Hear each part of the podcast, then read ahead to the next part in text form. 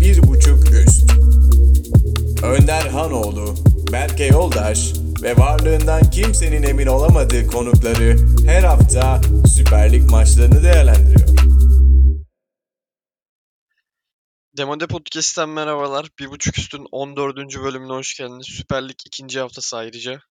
Önder abi hoş geldin. Hoş bulduk Berke'cim. İkinci haftayı da geride bıraktık. Bir lig liderimiz var, bir 6 puanlı takımımız var.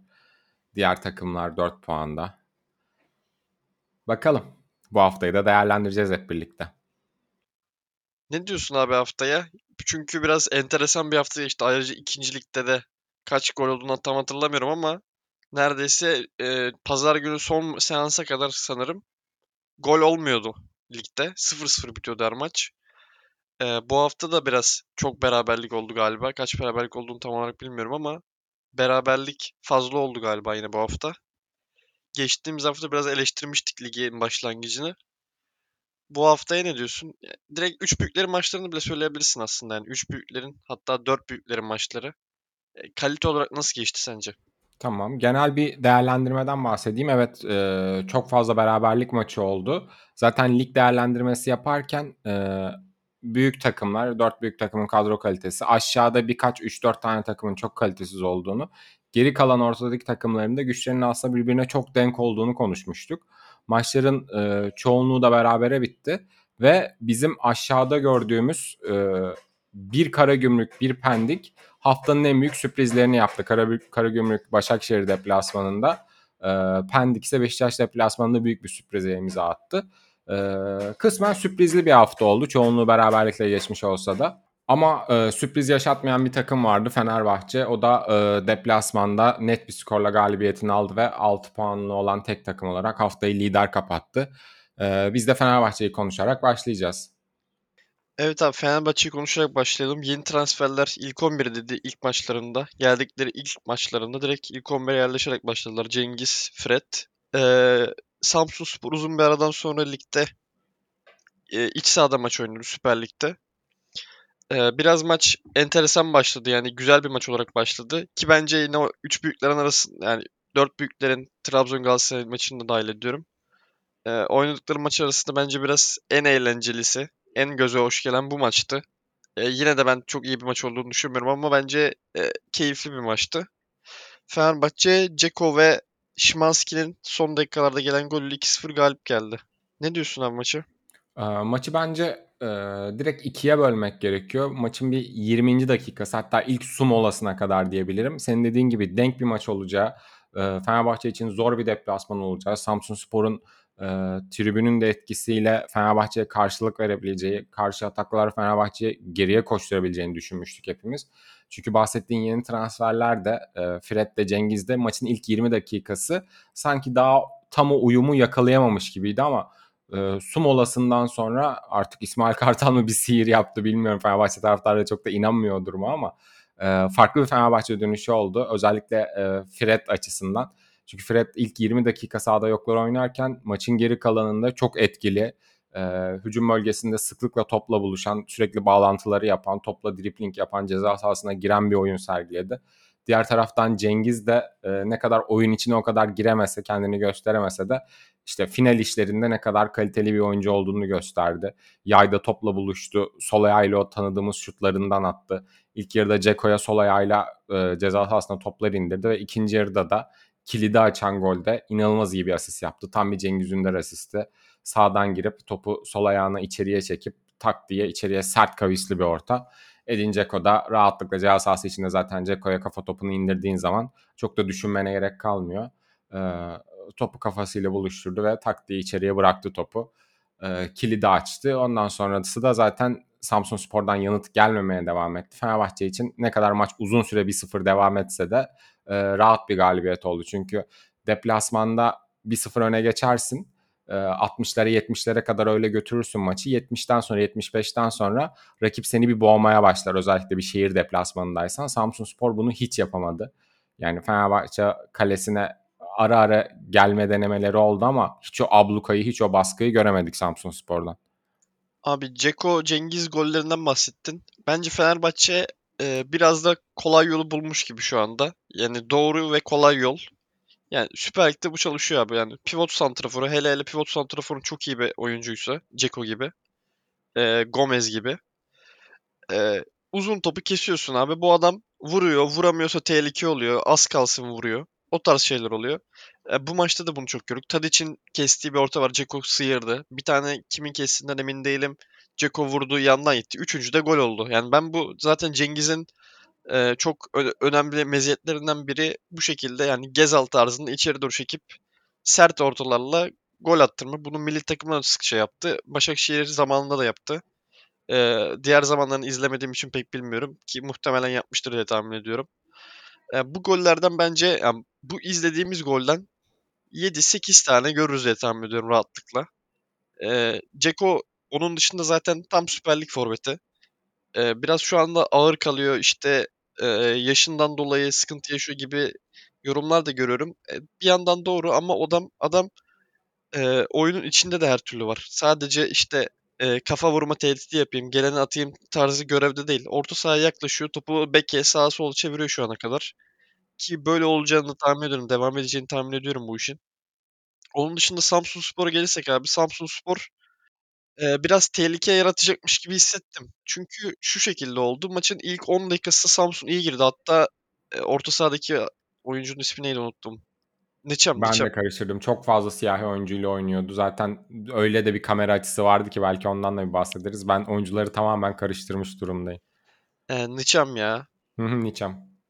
Herif çok iyi girdi maça. İki tane iyi pas verdi. Bir tane uzaktan şut çekti.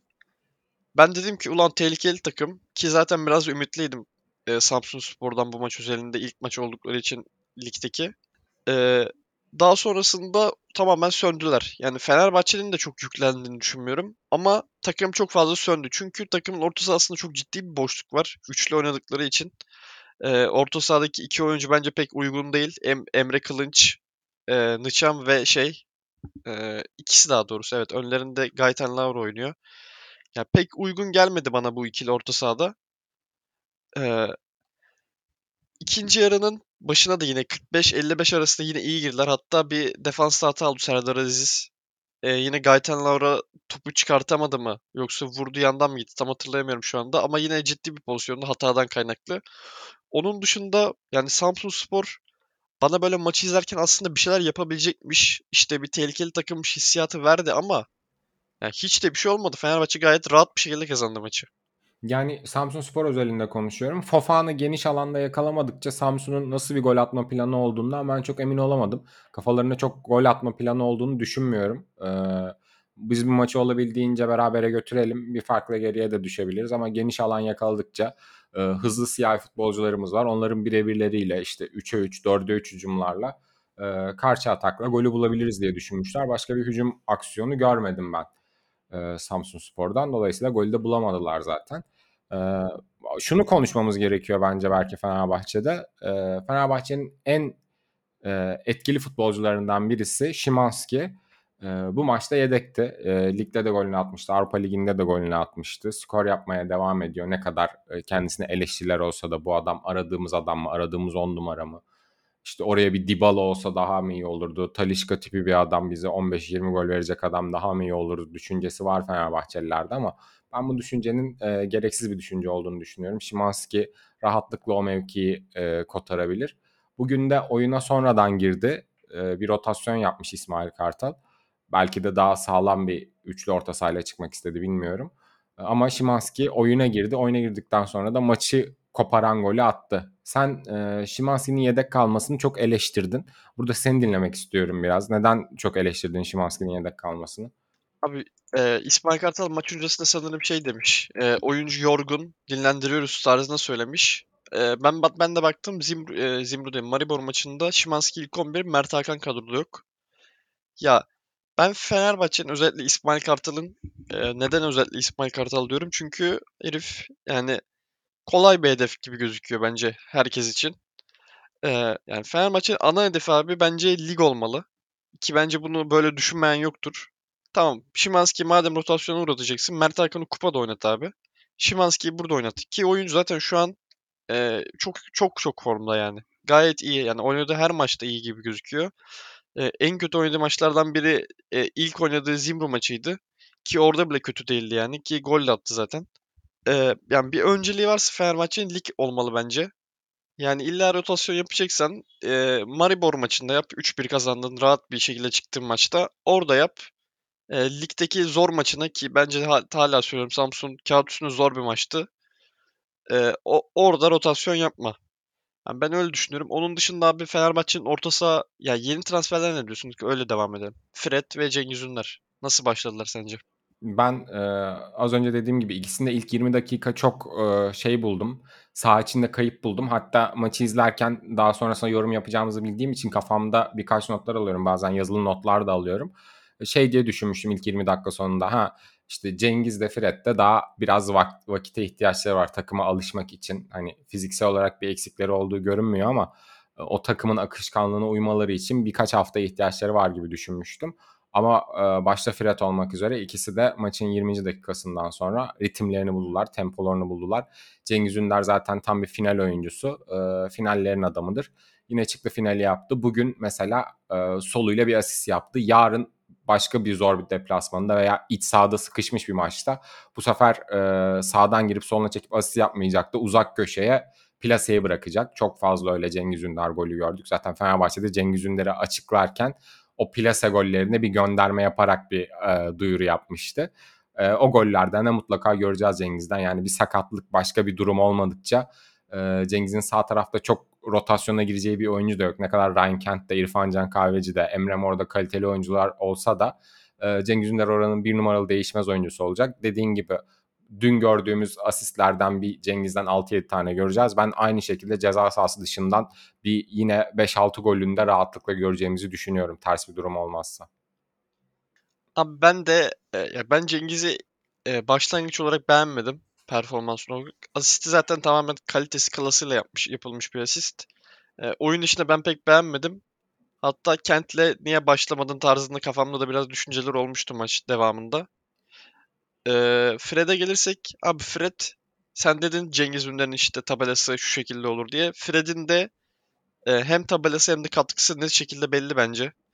E, bence yani olabilecek en etkisiz maçlarından birini oynadı Fred bu haliyle. Çünkü abi herif deli gibi koşular atıyor. Yani etkisiz hali bile bir tane gol oldu. E, bu arada hakemle de konuşalım e, devamında. E, gol oldu, iptal oldu. Yine harika bir koşu. Tadic zaten yani koşuları görme uzmanı adam. E, onun dışında bir tane Osterwolde'nin pası var yine ceza sahası içinde. Onu kötü kaçırdı. Yani herif çok etkili bir oyuncu. Bu koşullarla Süper Lig'de iş yapmama ihtimali yok. An yani kesin net bir şekilde katkı. Mesela Tadic net bir şekilde katkı. Fenerbahçe'de bu tarz adamlar çok var şu anda. Ee, Ceko'yu ben kesin bir katkı olarak düşünüyorum. Yani ben Ceko'nun e, en kötü halinin bile 15 gol, 20 gol atabileceğini düşünüyorum e, Türkiye Ligi'nde. Tadic, Fred, Ceko. 3 tane böyle çok net adamın var. Çok ciddi bir avantaj bu Fenerbahçe için. Aynı fikirdeyim. Ee, özellikle Dušan Tadic e, neredeyse her maçta oynadı. Doğru düzgün rotasyona girmeyen tek oyuncu. Ee, zaten çok solda hem oyun kurucu hem de skor üretici bir alternatif de yok Fenerbahçe'nin. Zaten böyle bir alternatifi bulmak e, kaç paralardan başlıyor siz düşünün. E, Tadic'i her izledikçe e, Beşiktaşların ciddi kafasını taşlara vuracağını düşünüyorum. Çünkü böyle oyuncuları bulmak e, özellikle bu paralara bulmak ne kadar yaşı yüksek olsa da e, zor bir durum. E, Fenerbahçe Beşiktaş'ın elinden aldı. Çok da büyük bir hamle yaptı. Çok büyük bir adım attı. Sol tarafı kapattı ve sol taraftan her zaman hem oyun katkısı hem de skor katkısı almaya devam edecek. E, sakatlık veya başka bir şey olmadıkça Dušan Tadic de aynı performansından üst perdede devam ediyor. E, bakalım orada bir değişim olacak mı ama ben çok bir değişim olacağını zannetmiyorum. Peki abi, e, Fred'in garantiliğini konuştuk. Szymański'yi çok iyi diyoruz. Yani Fenerbahçe'nin orta sahasındaki 3 kişiden ikisi şu an için belli gibi duruyor en azından. E, bir transfer daha olacak konuşuluyor. Bir de e, Livakovic transferi konuşuluyor Fenerbahçe'de. Yani iki transfer eğer gidenler olmazsa işte Batshuayi, Luan Perez tarzında e, iki transferle Fenerbahçe kapatacakmış gibi duruyor şu an için. E, orta sahada konuşulan isimler Kurunic. Onun dışında e, Parti ismi çıktı. Pek gerçekçi gelmedi isim. Sumare. Sumare, Jorginho. Yani Fenerbahçe Regis'e bakıyor gibi şu an için. Hı hı. E, isterse ilk ben söyleyeyim. Tabii tabii. Yani Fenerbahçe'nin ben e, orta sahasında Szymanski e, 8'e kaçık 10 numara. Fred 6-8-10 her şey var adamda. E, ya Fenerbahçe'nin orta sahasında bence kesicilik eksik. Ama Fener, e, İsmail Kartal ve Fenerbahçe sanırım e, Regista düşünüyor şu anda oraya. Daha böyle işte ayağı daha iyi şeklinde. Ama bir yandan da Fenerbahçe'nin bu transfer için yani 20 milyon euro, 15 milyon euro hatta Yağız Sabuncuoğlu'nun bir tweet'i var. Fenerbahçe'nin baktığı 6 numara için oyuncular için ortalama piyasa değeri 25 milyon euro bandında şeklinde bir söylemi var. Bence çok ciddi bir e, kaynak haber bu. E, ya şuraya aldığın adam zaten yani 20 milyon euro piyasa değerinde 25 milyon euro piyasa değerinde aldığın adamın ayaklarının Süper Lig'de, Konferans Ligi'nde bence seni götürmeme ihtimali yok. Yani bu adamın ayakları kötü kardeşim. Süper Lig'de işte geriden top çıkartamıyoruz tarzında bir düşünce olma ihtimali yok. Ben benim düşüncemde. Ki zaten bence Fred, Szymanski bu üç oyuncu bir araya geldiğinde işte kesici altı numaradan bahsediyorum. Yani gayet yeterli olacaktır diye düşünüyorum. Ee, yani Fenerbahçe'nin Regista'dansa ben e, bir kesici altı numaraya gitmesinin daha doğru düş- ol- olacağını düşünüyorum. Sen ne diyorsun? Ben de e, senin söylediğine katılıyorum. Hatta yaptığın tespiti de çok doğru buluyorum. Yani Fenerbahçe'nin o bantlarda, o profilde alabileceği yüksek profilli kesici alt numaranın ayakları her türlü buralar için yeterli olacaktır. Ama diğer taraftan da Fenerbahçe teknik ekibinin ve İsmail Kartal'ın düşüncesinin de ya bu Fred e, çok iyi bir oyuncu. Driplingi var. E, ceza sahasına girişi var. Gol katkısı, asist katkısı var ama Kadife gibi ayakları yok bu adamın yani. Bu futbolcuyu tanıyoruz. Dolayısıyla biz hani 8 numaramızdan çok net paslar, çok net oyun kurulumu görmeyeceksek arkadaki oyuncumuz bize oyunu kursun. O yüzden e, zaten fiziksel olarak iyi durumda bir takımız. E, kanat oyuncularımız her ne kadar skor katkısı yapsa da çalışma etikleri çok yüksek oyuncular. Duşan Tadiç de öyle, Cengiz Ünder de öyle. Hatta Edin Dzeko da öyle. Dolayısıyla Fenerbahçe kompakt olarak e, takımın fiziğini ortaya koyabiliyor. O yüzden e, biz her türlü rakibi ısırırız fizik gücümüzle. Fiziksel üstünlük kurarız. Ama pasta sıkıntı yaşamayalım diye böyle bir karar almışlar bence. Bu sadece onların neden böyle bir yola gittiğini söylüyorum. Doğrusu budur diye söylemiyorum. Ee, bakalım Fenerbahçe oraya transferi tamamladığında üzerine daha net bir şekilde konuşuruz gelen isim üzerinden. Peki abi hakeme de konuşalım. Çünkü unuttuk. Başta konuştuk normalde. Hı hı. Ee, sanırım bir tane tartışmalı pozisyon var şu anda benim aklıma gelen. Maçın özetini tekrar hatırlamak amacıyla izlemedim Üç ama. tane var aslında ama ikisi çok da büyük problem değil. Biri çok konuşuldu. Evet iptal olan gol pozisyonu. Tadic'in pasında Fred'in attığı gol iptal oldu offside nedeniyle. Hı hı. Ee, ben ilk gördüğümde şey dedim. Herhalde bu mesela Beşiktaş Erzurumspor maçında Beşiktaş şampiyon olduğu sene e, ele çarpmıştı. Top Erzurumspor'un kontrolüne geçmişti. E, ondan sonra Beşiktaş'a geldi. Top ve gol iptal olmadı orada. Ben dedim ki herhalde elde böyle bir kural var. Yani elde elde ele çarpıp rakibe geçtikten sonra bir şey olmuyor. Yani iptal edilmiyor gol. Herhalde offside'da da iptal ediliyor gibi düşünmüştüm. Ama sonradan baktığım kadarıyla öyle değilmiş iş. Ee, ne diyorsun yani? Demek ki hatalı kararmış. Öyle gördüm. Evet evet kesinlikle e, hatalı karardı. Fenerbahçe'nin golünün verilmesi gerekiyordu. Çünkü top Samsunspor'un ayağına geçiyor. Kendi ceza sahaları kendi ceza sahaları içerin, içinde olsa da baskı altında olsalar da Samsunspor orada topun kontrolünü net olarak sağlıyor. Hani öyle top gitti geldili bir, bir durum olsa orada atak bitmemiş oluyor ama Samsunspor net bir şekilde topu ele geçiriyor. Hücum etmeye çalışırken hatalı pasla e, baskının üzerine topu tekrardan kaptırıyorlar. O durumda Tadic'in offside'da kaldığı pozisyonu tamamen geride bırakmamız gerekiyor kural olarak. E, çünkü top Samsunspor'un ayağına geçmiş. Fenerbahçe kaparak e, bambaşka bir hücum başlatmış. O yüzden Fenerbahçe'nin topu kaptığı andan itibaren e, değerlendirmemiz gerekiyor. Yeni bir ihlal var mı diye. Fenerbahçe topu kaptığı andan itibaren de yeni bir ihlal yok. Zaten Tadic'in arkaya pasında e, savunmanın kafayla müdahale denemesi. Top yine Fred'in önünde kalıyor. Fred golü yapıyor. Dolayısıyla golün iptali hatalıydı. Bununla birlikte iki durum daha tartışıldı. Bir Edin Dzeko'nun kafa topuna çıkarken Alim Öztürk'ü e, bir şarj yap, yapmadığı, iteleyip itelemediği. Mutlaka bir müdahale var ceza sahası içerisinde. Tabii için e, elleri Alim'in sırtında ama ben e, oyun kuralları içerisinde futbolu e, forvetle stoperin arasındaki e, hamlelerin içinde gördüm onu. Bir diğer pozisyonda Fred'in e, topun üstüne basarak geldiği Samsun'un penaltı beklediği pozisyon. Orada da devam kararını doğru buldum. Fred direkt topa giriyor. Ee, o zaman Beşiktaş'a geçelim abi. Ee, ikinci maçımız.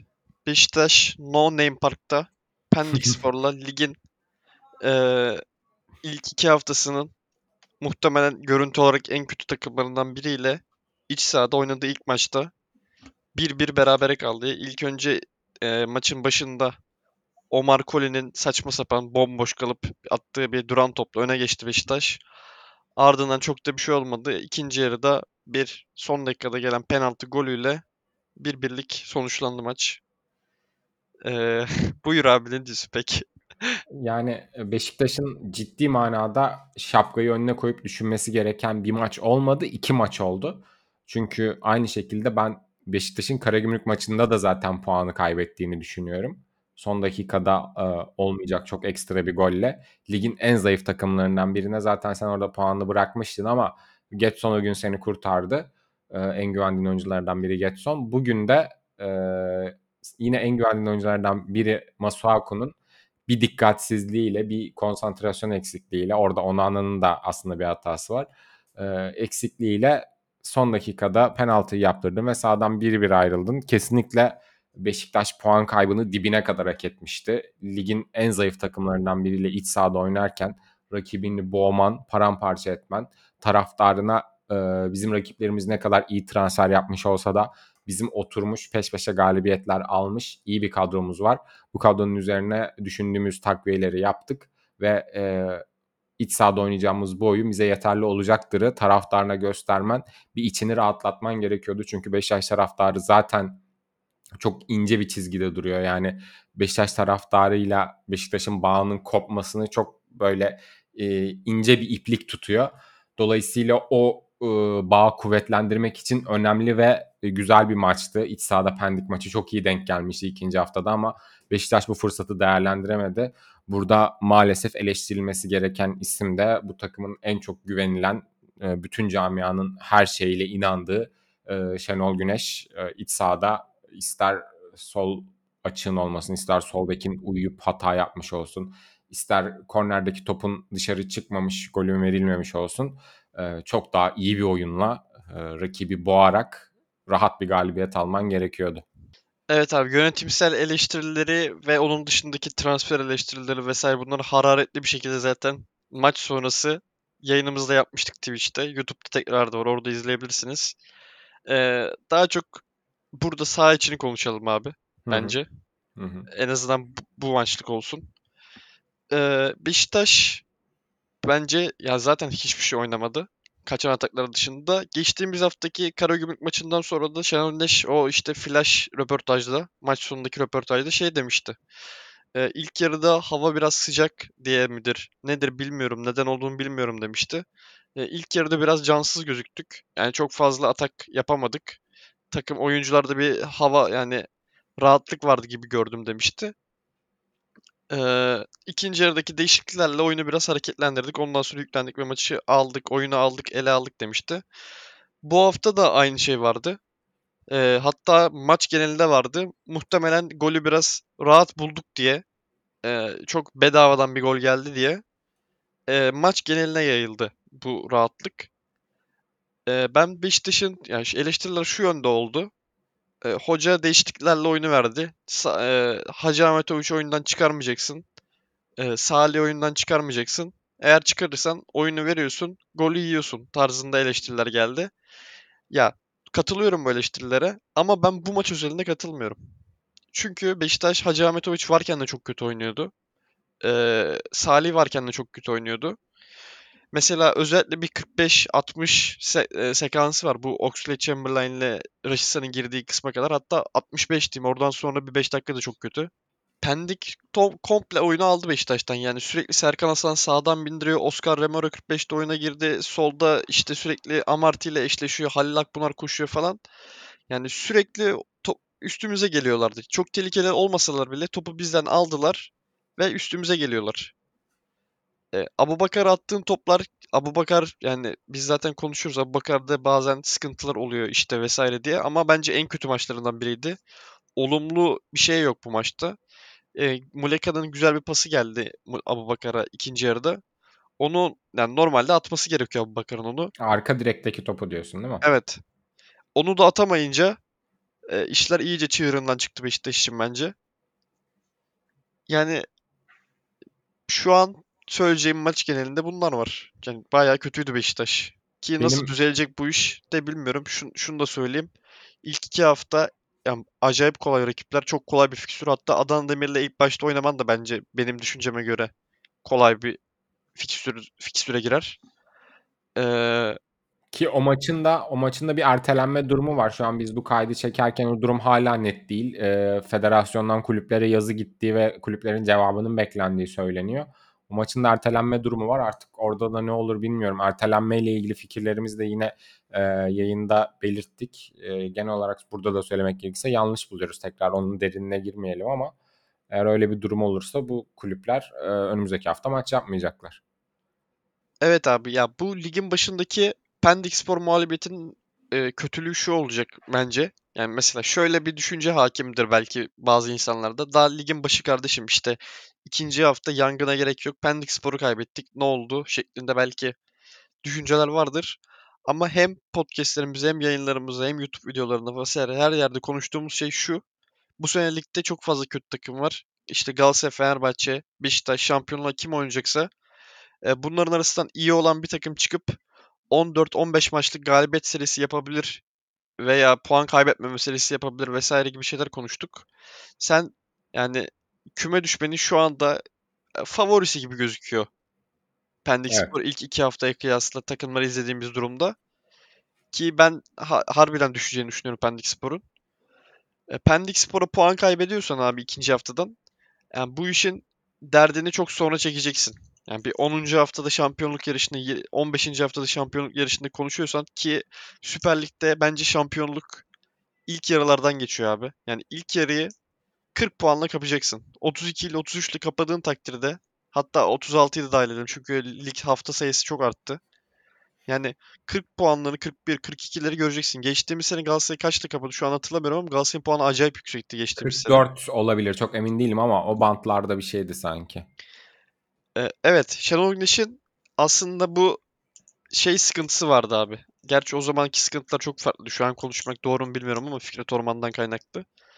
Ee, ilk yarılar çok kötü kapanıyordu Beşiktaş'ta. Yani 34 puan, 35 puan buralarda kapanıyordu. İkinci yarıda Oralarda- 45 alıyordun. Evet, yırtına yırtına bir şeyler yapman gerekiyordu. Son haftada da patlıyordun. Ee, işte bu yüzden ilk yarılar çok önemli. Minimum puan kaybı olması gerektiğini düşünüyorum ben. Bakalım göreceğiz. O zaman bir de hakemi konuşalım abi. Ee, top dışarıdan geldi mi gelmedi mi? Buyur. Yani e, Beşiktaş kulübünün resmi hesaptan paylaştığı bir video var e, çizgi açısından. Orada topun çizgiyle temasını kaybetmediği görülüyor. Ama başkaca bir paylaşılan video var. E, orada top sanki çizgiden ayrılmış gibi görünüyor tepedeyken. Artık o açı biraz daha geride mi, biraz daha ileride mi? Yani bunu bizim e, tribünden işte Android telefon kamerasıyla çekilen görüntüden anlamaya çalışıyor olmamamız lazım bu kadar teknolojiler kurulmuşken maçlar 26 kamerayla çekiliyorken çizgi gibi e, maçın kaderini yani direkt etkileyecek bir şeye teknolojiyle müdahale edilmesi gerekiyor bence. Pozisyona var bakabiliyormuş, bakamıyormuş. Hakemin önceden bayrak kaldırması yanlışmış. Bunlar tamamen teknik ve benim bilmediğim, hakim olmadığım konular.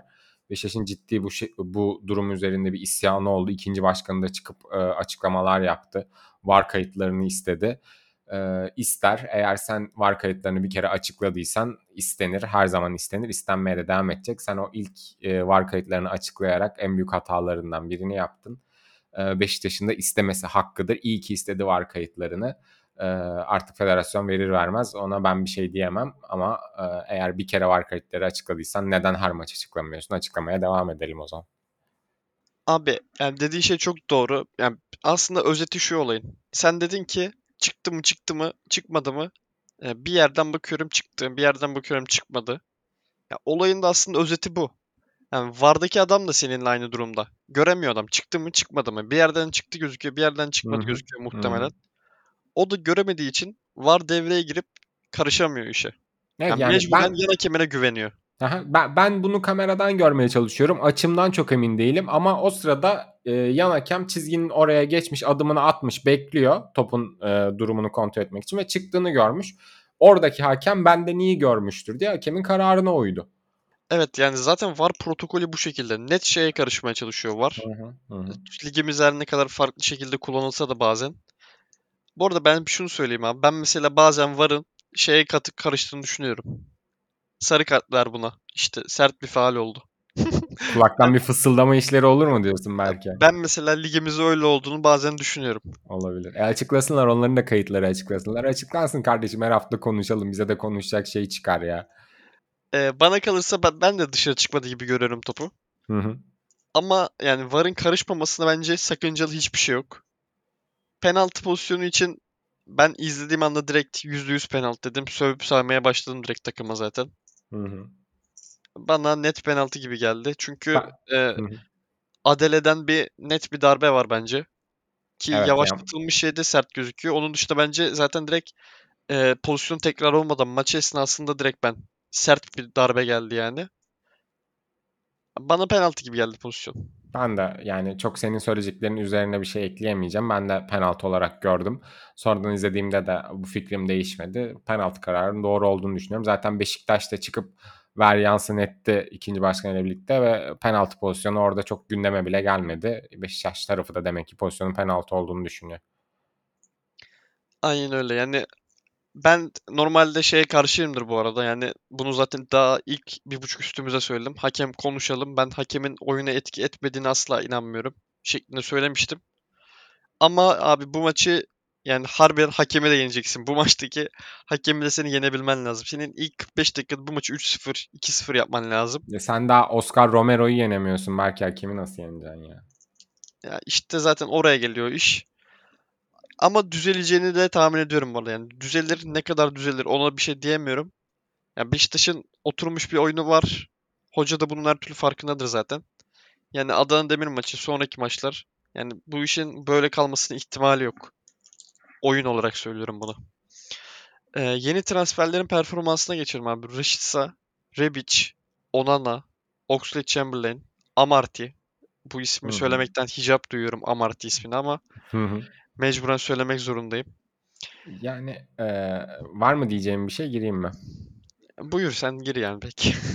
İle Amarty'yi istemeyeceğim ben ile Amarty'yi bence biraz dışarıda bırakmak gerekiyor.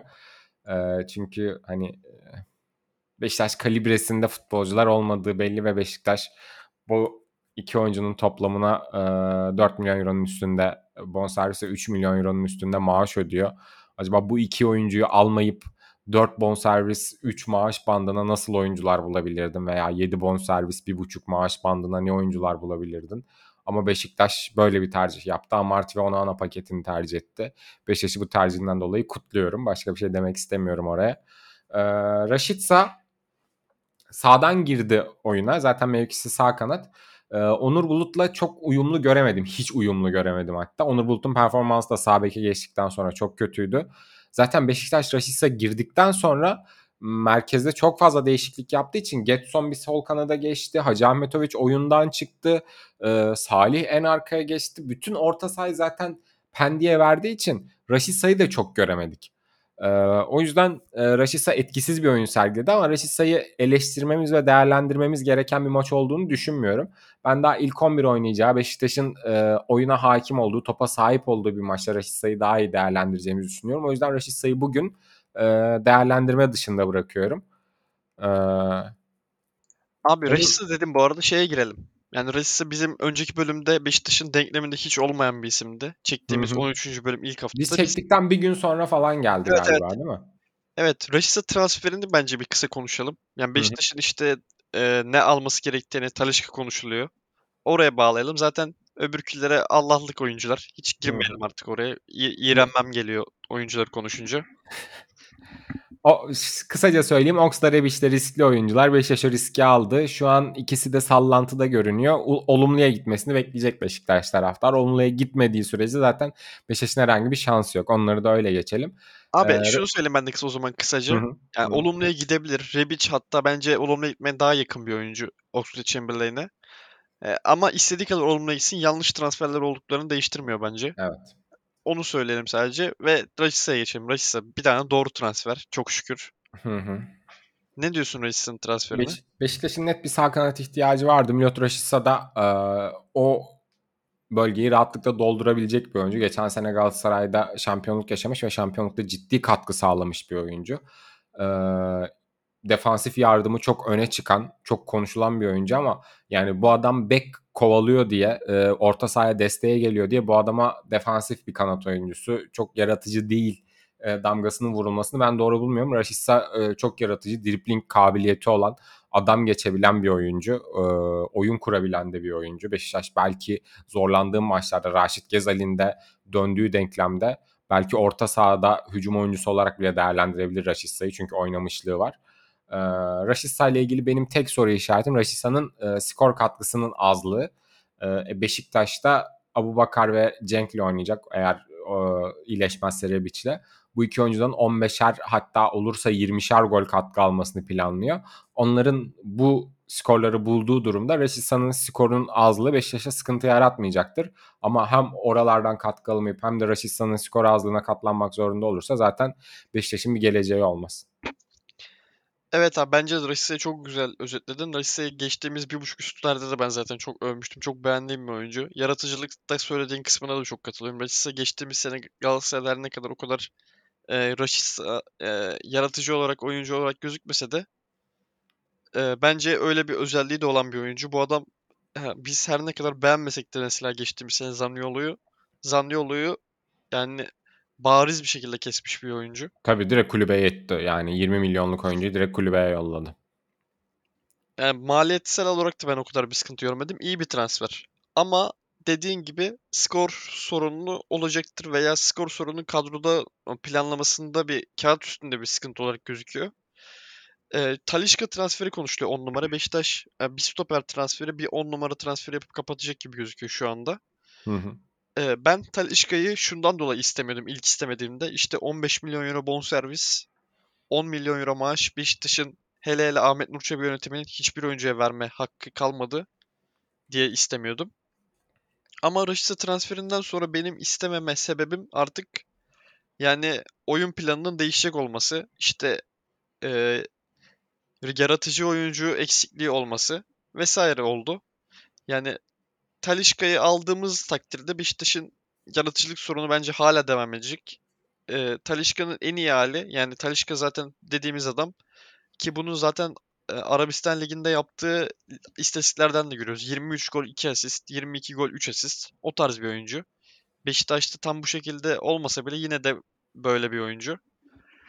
Yani Talişka golcü bir oyuncu. Beşiktaş'ın golcü oyuncusu e, bence var. Bilmiyorum sen ne düşünüyorsun hakkında golcü oyuncular hakkında ama var mı Var sence? bence de var katılıyorum sana.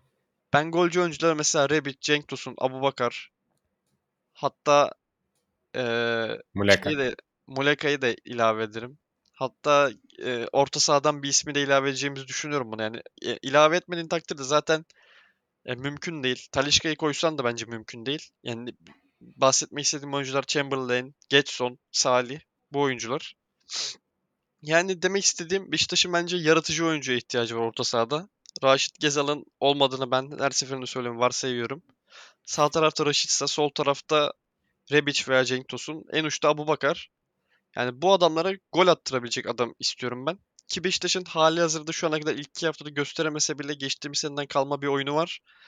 Ee, işte ne yapar Beşiktaş? Sete oturur. İşte sağa pas verir, sola pas verir. Abubakar çıkar bir gol atar veya yani bu işte böyle olmaması gerekiyor aslında. Abubakar çıkar bir gol atar kısmına gelmemesi gerekiyor Beşiktaş'ın. Beşiktaş oyunun kurulum aşamasında iyi bir durumda şu anda. İşte Hacı Ahmetoviç geriye geliyor. Getson'a veriyor. Getson boş bulduğunda delip geçiyor. Veya Salih bir uzun top atıyor. Veya Masuaku hücuma çıkıp bir katkı veriyor. Ee, ama hücum kısmında işte Abubakar'ın çıkıp bir gol atmaması gerekiyor Beşiktaş'ın. Abubakar'a bir gol attıracak oyuncu arıyorum ben. Veya Abubakar'ın boş kaleye bir gol atıyor olması lazım artık. Hani FIFA'da e, aa bu da ne güzel golmüş diye YouTube'a ekleyeceğim bir gol değil de hani boş kaleye bir gol atıyor olması lazım artık Abubakar'ın. Aynen. İşte Talisca'yı koyarsak bence yine bir değişiklik olmuyor. Yani Talisca gol atar kısmı değil de hani attırabileceğimiz isimler olması gerektiğini düşünüyorum ben. Aynı Çok uzun konuştum ama Seninle umarım anlatabilmişimdir. Ama yani şunu söyleyeceğim belki. Beşiktaş'ın Talişka'ya, Ramos'a çıkarabileceği paralar varsa bizim söylediğimiz oyuncuları zaten gözü kapalı getirir. Gidersin Metalist Kharkiv'den bir tane Sosa bulursun. Yani dünya futbolcu dolu, dünya iyi futbolcu dolu. Ne kadar kötü futbolcu dolu olsa da bir o kadar da iyi futbolcu dolu. Eğer çalışırsan, işini yaparsan Beşiktaş'ın ihtiyaçlarını giderecek futbolcuyu bulman, hele bu paraları çıkartabiliyorsan nereden çıkartıyorsun onu da bilmiyorum ama çıkartabiliyorsan Beşiktaş istediği stoperi de bulur. E, Ramos kalitesinde olmasa da e, işini görecek stoperi bulur. Ramos'tan 10 yaş 15 yaş gencini bulur. Aynı şekilde 10 numarasını da bulur. Talişka kadar gol atmasa da e, çift tane de gol atar. Aynı zamanda oyun kurar.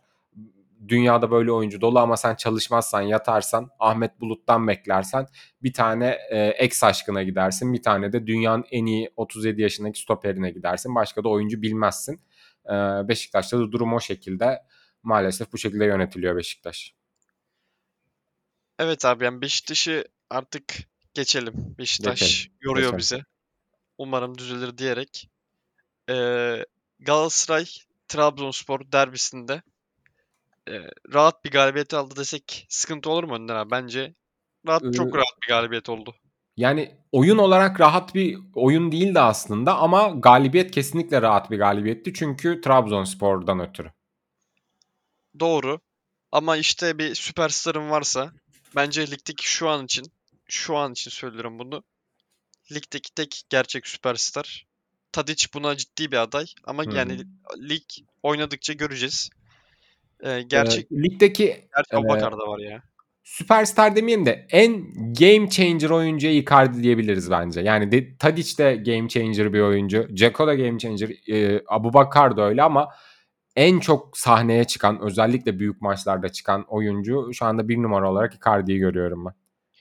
Evet hatta şöyle bir istatistiği var mesela. Yani büyük maçlarda zaten etkisini konuşmaya yani sürekli konuşuyoruz. Yine konuşacağız devamında. Ee, 30 maç 34 gole katkı abi Galatasaray kariyerinde. İnanılmaz, inanılmaz. Ee, ben de şöyle bir veri eklemesi yapayım. Geçen gün Opta'da okumuştuk. Ee, çıktığı büyük maçlarda, derbi maçlarında 8 gol atarak Georgi Hacı'yı yakalamış. Bu adam henüz daha bir sezon artı 2 hafta oynadı ve o bir sezonu da tam oynamadı. O bir sezonun ilk 15 haftası yok yani öyle hesap et. 4 sene oynamış, e, 4 sene mi bilmiyorum emin olamadım. Yani uzun yıllar e, Galatasaray'da oynamış Hacı'yı bir seneyi bile doldurmadan yakalamış durumda. Boş geçtiği büyük maç yok. 8 gole ulaşmış galiba. Ee, inanılmaz, inanılmaz bir şey. O zaman abi bir maç değerlendirmesiyle başlayalım. Daha sonrasında konuşuruz. Zaten maç değerlendirmesiyle ilgili pek konuşacak. Sen abi Galatasaray yorumla ben Trabzon'u yorumluyorum. Nasıl Tamam, paylaşım? olur, olur. Ben Galatasaray'ı yine hücumda akıcı bulamadım. Yani o akışkanlık yine sağlanmadı Galatasaray'da. Galatasaray bu sıkıntıların aynısını geçen sene de yaşamıştı. İlk 8 hafta, 9 hafta, 10 hafta o hücum akıcılığını bir türlü yakalayamadı Galatasaray. Ta ki Başakşehir farklı galibiyetine kadar. O zamana kadar Gomis ciddi taşımıştı takımı. Icardi de henüz tam takıma girmemiş, ilk 11 oyuncusu olamamıştı. E, git gelli bir oyuncuydu o zamanlar Icardi. Gomis'in yardımıyla Galatasaray o e, cenderenin içinden çıkıp sonunda da oyununu oturtup puanlarını toplayarak, serilerini yakalayarak şampiyon olmuştu. Aynı geçen senedeki sıkıntıları e, bu senenin başında da yaşadığını görüyorum Galatasaray'ın. Hücumda o akıcılık henüz oluşmadı. Aslında e, Galatasaray ön tarafa çok transfer yaptı diyoruz ama geçen seneden de çok farklı bir takımla çıkmadı Galatasaray. Bugün Trabzonspor maçına çıktığı ilk 11 en önde Icardi, solda Kerem Aktürkoğlu, ortada Mertens, sağda da Barış Alper Yılmaz. Hadi dersin ki sağ kanatımda ben daha iyi bir oyuncuyla oynamak istiyorum. E, orada işte Tete gelecek veya Zaha'yı atacaksın. Bilmiyorum nasıl e, nasıl bir formül bulacağını ama Galatasaray'ın 11'inde çok da büyük bir değişiklik yok. Bu takım şampiyon olan takım. Bu takım rahat rahat galibiyetler alan takım. O yüzden e, artık Okan Hoca mı fazla yükleme yapıyor? Takımda yorgunluk mu var yoksa biraz daha zaman mı lazım bilmiyorum. Ama Icardi marifetiyle kazanılmış bir derbi. Icardi yerine atıyorum Icardi'de bir sakatlık olsaydı bu maça bakan bu çıksaydı ne kadar karşında etkisiz sahada olmayan bir Trabzonspor olsa da puan kaybı yaşamam muhtemel bir maç olurdu. Benim e, Ga- Galatasaray değerlendirmem bu şekilde. Sen de Trabzon tarafından bak bakalım biraz maça. Abi Trabzon'a e, hem geçtiğimiz sene hem bu sene şu an için başlangıç için bir taraftan bakmak çok zor. Çünkü Trabzon yani bir iki oyuncu hariç aynı takım. Geçtiğimiz seneyle aynı takım şu anda Trabzonspor. İşte bir kim var? Stoper'de Benkovic var. Onun dışında bir de Kurbelis var. Kurbelis de benim gördüğüm daha önce daha önceki programda da söylemiştim bunu. Dümdüz bir adam. Ne oldu? Yani adamın ne olduğu aslında bariz belli. Orta sahada tam bir Konyaspor futbolcusu gibi geliyor bana. Hı hı. Sağa sola veren dümdüz bir adam. O yüzden Trabzon'un sağ için konuşmak bence biraz zor olacak bu sene eğer böyle devam ederse. Çünkü bence ciddi bir yönetim başarısızlığı var şu anda Trabzonspor'da. Ee, bence Trabzonspor'un dışarıdan bakılışla e, bir para harcama isteği var kadroya. Ama öyle harcaması da bek- beklen- beklenmiyordu. Yani biraz daha geçiş sezonu gibi olacak. İşte e, daha böyle bir yapı kurmaya çalışacağız şeklindeydi. Trabzon yine şampiyonlar bir kadro kurmuyor. Orası ayrı bir mevzu ama bir para harcanacak gibi duruyor. Onun dışında yönetime dair tek olumlu yan şu an için bir stat sponsorluğu Papara Park. Yani onun dışında yönetime dair ben hiçbir şey görmüyorum. Sağ içine gelecek olursak bu maç özelinde eee Tekliç'i izledik. Tekliç feci kötü bir adam. ne olduğu hiç belli olmayan bir adam. Bakasetas'ı bence ya, bence yine Bakasetas ayakta kalan oyunculardan biri oldu. Her ne kadar golde rezalet bir hata yapsa bile Trezeguet'in çıkması da çok kötü oldu Galatasaray şey Trabzonspor için. Bence Boğa'yı biraz zorluyordu ki hakem konuştuğumuz kısımda biraz onu da deneyeceğim. Ee, Maxi Gomez'in oynamasını veya girmesini bekliyordum oyuna. Ama sanırım Bekliyor gidiyormuş. muydun? Ben hiç beklemiyordum. Yani son maçı neden oyuna girsin ki? Veda gibi mi düşünüyorsun? Son maçı olduğunda da emin değilim. Yani bil- son maçı olduğu kesin miydi ki? Ya ben hani bu maçı yapacak ve Kadiz eğer yanılmıyorsam La Liga kulübüydü. Kadiz diye kalmış aklımda. Maçı yapacak ve Kadiz'e gidecek diye okumuştum. He, ben bilmiyorum onu. Yani bilmiyordum daha doğrusu. Yani Trabzon için konuşmak çok zor bence. Yani Trabzonspor'un en iyi oyuncuları sağ ve bek, sol beki. Geçtiğimiz sene yerden yere vurulan iki adam. Larsen ve Eren Elmalı. Yani en iyi iki oyuncusu şu an için Kesinlikle. ikisi gibi gözüküyor. Aynı fikirdeyim. Ee, yine o merkezde de güvenebileceği performansları şu an ne kadar kötü olsa da e, rahatlıkça yu- yukarıya çıkabilecek iki kaliteli oyuncusu var Abdülkadir Ömür ve Bakasetas. Ben Trabzonspor'a oradan bir ekleme yapayım. Trabzonspor e, ciddi şekilde e, Trabzonspor taraftarları tarafından hoca Bakasetas çok arkada 8 numara gibi oynatıldığı için eleştiriliyor. Golü de zaten Bakasetas'ın büyük hatasıyla yedi Trabzonspor. Evet Bakasetas'ın e, orada bir hatası var ama yani bunun 8 numara oynamasıyla alakası yok. Rahatlıkla e, en önde oynayan oyuncu da oraya gelip o top kaybını yapabilir. Bakasetas isterse 6 numara oynasın, isterse stoper oynasın. Orada o baskı yediğinde o o topu öyle kaptırmazsın. Ya e, sırtını dayayıp kalçanı dayayıp faulü alırsın ya da bir şekilde topu oradan çıkartırsın. Dolayısıyla Bakasetas'ın bu top kaybını hocaya yazmak bana biraz acımasızlık geliyor. Hocayı eleştirebileceğin bir sürü konu var. Bu onlardan birisi değil. Ee, Trabzonspor ilk hafta Antalya maçının da ilk 15 dakikasında çok iyi başlamıştı. Sonrasında çok kötü bir önüne devam etti. Bu, geçen Galatasaray maçında ilk 15 dakikasında aslında iyi başladı. Sonrasında yine sahada yok Trabzonspor. Ee, Tekliç gibi enteresan bir e, oyuncu almışlar. Her hafta Trabzonspor maçı izletecek bir oyuncu. Özellikle futbol funny moment editi yapan arkadaşlara tavsiyemdir. Tino Tekliç.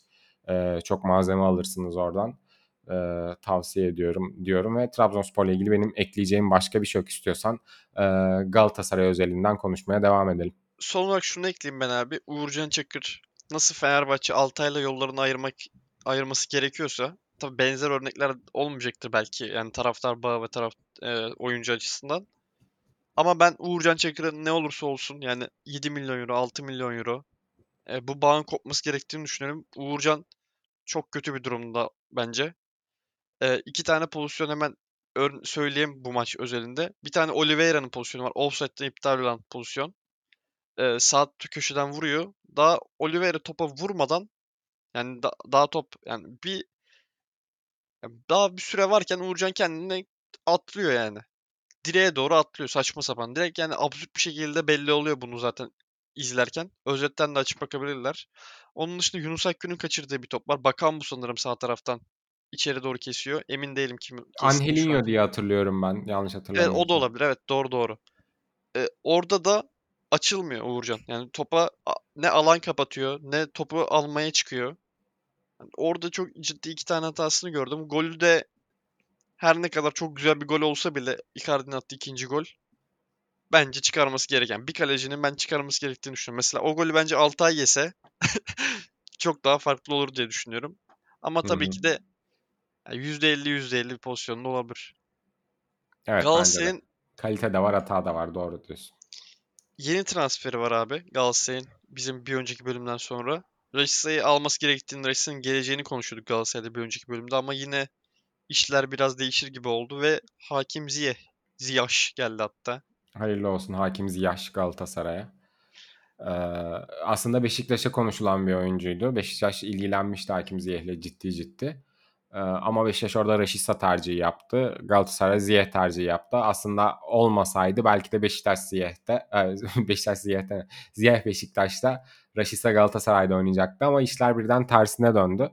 Ee, ve Galatasaray Hakim Ziyech transferini yaptı. Bu Galatasaray'ın e, Tete'yi de bunun içine katarım. Ee, zar transferlerinden birisi. Aslında diğer transferleri çok daha net, çok daha direkt transferlerdi. Ama Ziyech biraz daha zar transferi çünkü herhangi bir kamp geçirmedi. Chelsea ile kampa götürülmedi. Ee, maç eksiği olan bir oyuncu ama sonuçta hakim Ziyech. Yani bu ligi kıran geçiren bir Raşit Gezal var. Ee, mesela 3 profil oyuncu sayacağım. Raşit Gezal, Hakim Ziyech, Riyad Mahrez. Bunlar birbirinin aynısı. Sadece aralarında birer gömlek fark var gibi düşünün. Mahrez'i en üstte yazıyorum. Sonrasında Ziyeh, sonrasında Gezal. Gezal bu ligi kırıp geçirmiş bir oyuncu. Ziyeh de sağlıklı olursa o kamp eksiğini antrenmanlarıyla tamamlarsa Galatasaray tribünleri e, teknik kadrosu sabreder bir 6-7 hafta verirse Ziyeh'e ve Ziyeh tam fit bir şekilde gelebilir kafasını da sahaya verirse bu ligi rahatlıkla kırar geçer. Yani Galatasaray'ın yaptığı bütün transferlerden daha etkili olur. Ben Zaha'dan daha etkili olacağına %100 eminim e, tam bir Ziyeh'in. Abi çok fazla ekleyeceğim bir şey yok. Ben Ziyech'i yaptığımız yayınlarda sürekli söyledim. Ziyech Beşiktaş diye sürekli söyledim. Çok istiyordum. Olmadı. Ama olmaması da şundan yani e, Rashica geldikten sonra olmaması da normal diye düşünüyorum. E, Galatasaray'a hayırlı olmaz umarım. Ne diyeyim? yani umarım oynamaz. Ama oynarsa yani Zaha'dan etkili olacağı kısmına ben de katılıyorum yani. Çünkü tam bizim ligin oyuncusu. evet. Ee, ne kısmına geçiyoruz? Ee, Ramos'a diyelim. Ra- Dur bekle. Ee, Ramos ismi geçiyor şu anda Galatasaray'da. Beşiktaş Ramos'la çok ciddi ilgilendi ama maliyetler konusunda sonradan vazgeçti şeklinde açıklamalar oldu. Hem Emre Koca'da hem Beşiktaş'ın resmi sitesi öyle dedi. Galatasaray için de Şampiyonlar Ligi'nin garantileşmesini beklediği konuşuluyor. Ee, maliyetinden bağımsız. Ki maliyet, gerçi maliyetine konuşabiliriz. 8 milyon euro civarında bir maaş falan vesaire olacak. İşte bonuslar. Sanırım bir ya 8'i bulacak gibi yıllık garanti şekilde. Ne diyorsun abi Galatasaray Ramos? Galatasaray'ın bu kadar para harcadığı senede Sergio Ramos gibi bizim neslimizin özellikle e, Y ve Z kuşağının muhtemelen izlediği dünyanın sayılı stoperlerinden benim için birincisidir. E, takımında oynatabilmek 8 milyon euro gibi bir paraya çok da e, lüks değil bence. Yani hem Ramos'a sahip olacaksın. Ramos geçen seneyi tam sezon olarak geçirmiş. Maç kaçırmamış. Şampiyonlar Ligi'ne gideceksin. Şampiyonlar Ligi'nde böyle bir tecrübeye sahip olmak. Şampiyonlar Ligi'ni iliğine kadar bilen bu kupada 3 kere mi 4 kere mi sanırım 4 kere şampiyonluk yaşamış bir oyuncuya sahip olmak. Özellikle gruptan çıkma hedefin varken üst turları hedeflerken böyle bir oyuncuya sahip olmak çok kritik ve çok değerli. Ben Galatasaray için bu transferin iyi olabileceğini düşünüyorum ama buraya bir şart koymak istiyorum. Eğer e, böyle bir transfer yapacaksan Nelson'un hazır talipleri varken e, bir an önce artık düşündüğünden 2 milyon euro mu olur, 3 milyon euro mu olur daha aza bir şekilde Galatasaray'ın elden çıkarması gerekiyor Nelson'u. Çünkü Ramos gelirse Ramos oynar. Solda Abdülkerim'i kesme ihtimalin yok. Bu Şampiyonlar Ligi'nde de dahil sadece ligde yerli kuralı olduğu için söylemiyorum. E, Şampiyonlar Ligi'nde de Abdülkerim Ramos oynarsın. E, Nelson gibi elindeki değeri, elindeki aseti boşuna değerini kaybettirme. E, hazır performansında da düşüş var. e, kar ediyorken Galatasaray'ın bence Nelson'dan e, çıkması gerekiyor eğer Ramos'u alıyorsa. Abi ağzına sağlık. Ben seni direkt haftanın tahminlerine bağlarım. Bağla Kesinlikle herkes. alması gerektiğini düşünüyorum Galatasaray'ın Ramos'u. Ee, ilk maç İstanbulspor Galatasaray. Hmm, İstanbulspor benim e, ligde zayıf gördüğüm takımlardan birisi. Ne kadar ilk iki hafta beni şaşırtsa da ilk iki hafta iki puanla kapattı sanıyorum değil mi belki? iki beraberlik Evet aldı. evet. İbrahim Yılmaz 2 gol. E, alt lig golcüsüdür. Üst ligde de e, devam ediyor gollerine. E, zor bir maç olacak Galatasaray için. Bence kolay bir maç olmayacak. Bütün deplasmanlar zor çünkü ligde. Ama ben Galatasaray'ın oyununu biraz daha oturtarak e, bu maçı kazanacağını düşünüyorum. Abi bence biraz sürprize açık bir maç gibi geliyor bana.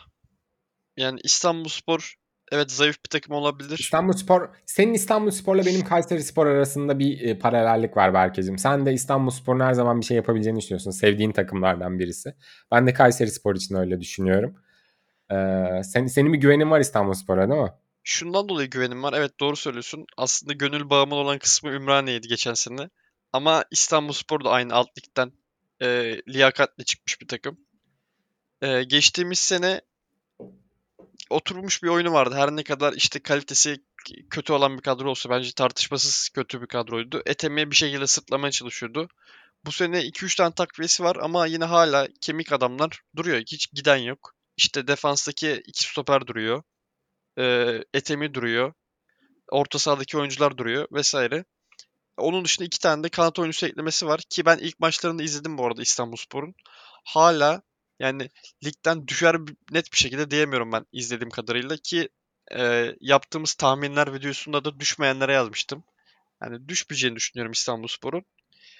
Ya kısır bir maç geçeceğini düşünüyorum ben bu maçın bir kere kesinlikle. Yani Galatasaray'a sıkıntı çıkacağını kesin eminim gibi düşünüyorum yani. Kolay kolay açamayacağını tahmin ediyorum Galatasaray'ın. Eğer bir absürt kaliteyle bir açma ol- olmazsa. Icardi'nin saçma sapan bir golü gibi. Ya biraz arızalı bir maç gibi geliyor bana açıkçası bilmiyorum. E, İstanbulspor kaybetmez diyeyim ben hadi. Tamam. E, Fenerbahçe Başakşehir. Bankolar bankosu 3. Fenerbahçe. Ee, öyle görünüyor ama ben de buraya bir şer koymak istiyorum. Artık Başakşehir'in bir şey göstermesi gerekiyor. Yani maçı kaybetse bile bir şey göstermesi gerekiyor. Çünkü iki hafta sahada olmayan bir Başakşehir gördük. Ciddi yatırım yapılan bir Başakşehir. Hani burada sadece Başakşehir özelinde 5 dakikalık bir Emre Belezoğlu eleştirisine girmeyelim. Sıklıkla yapıyoruz son 2-3 gündür zaten. Ama e, artık Başakşehir'in bir şey yapması lazım. Yoksa Emre Hoca'ya yol görünüyor. E, Fenerbahçe deplasmanında bunun için kendini gösterebilmen için çok uygun bir yer. Öyle bir şey yaparsan yeniden çizdirdiğin karizmayı yeniden ele alırsın.